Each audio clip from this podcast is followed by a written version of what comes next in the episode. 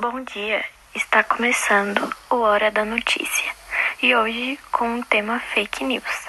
E a primeira pergunta é: o que é fake news?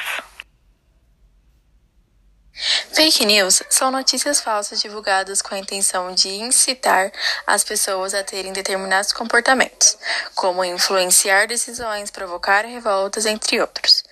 Na maior parte das vezes, elas são partilhadas nas redes sociais. Por esse motivo, elas abordam acontecimentos atuais que estão sob discussão.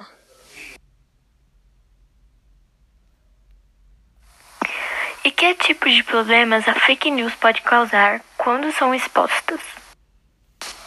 A fake news causa inúmeros problemas quando expostas em um pequeno grupo.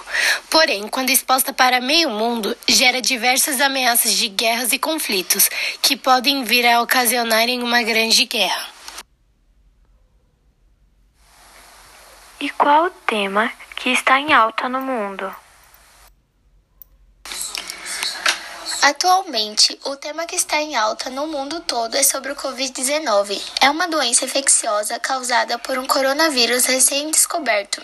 Como essa doença é recente e temos poucos conhecimentos, todos os dias aparecem notícias falsas falando que descobriram a cura ou uma vacina para diminuir a pandemia.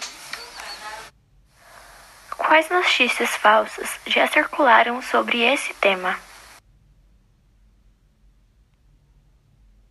Uma notícia que circulou bastante na internet foi que alho cru ou chá de alho era uma solução para a prevenção do corona.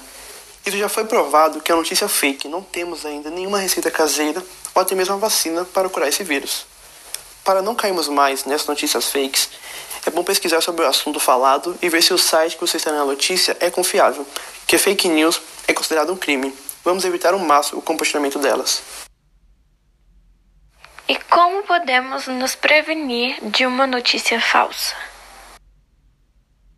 E devemos nos conscientizar a não acreditar em qualquer notícia e sim ver se a fonte vem a ser confiável e o assunto em pauta possui alguma coerência. E sempre procurar se informar nunca é algo negativo, mas sim algo que pode evitar conflitos e desavenças que sejam desnecessárias.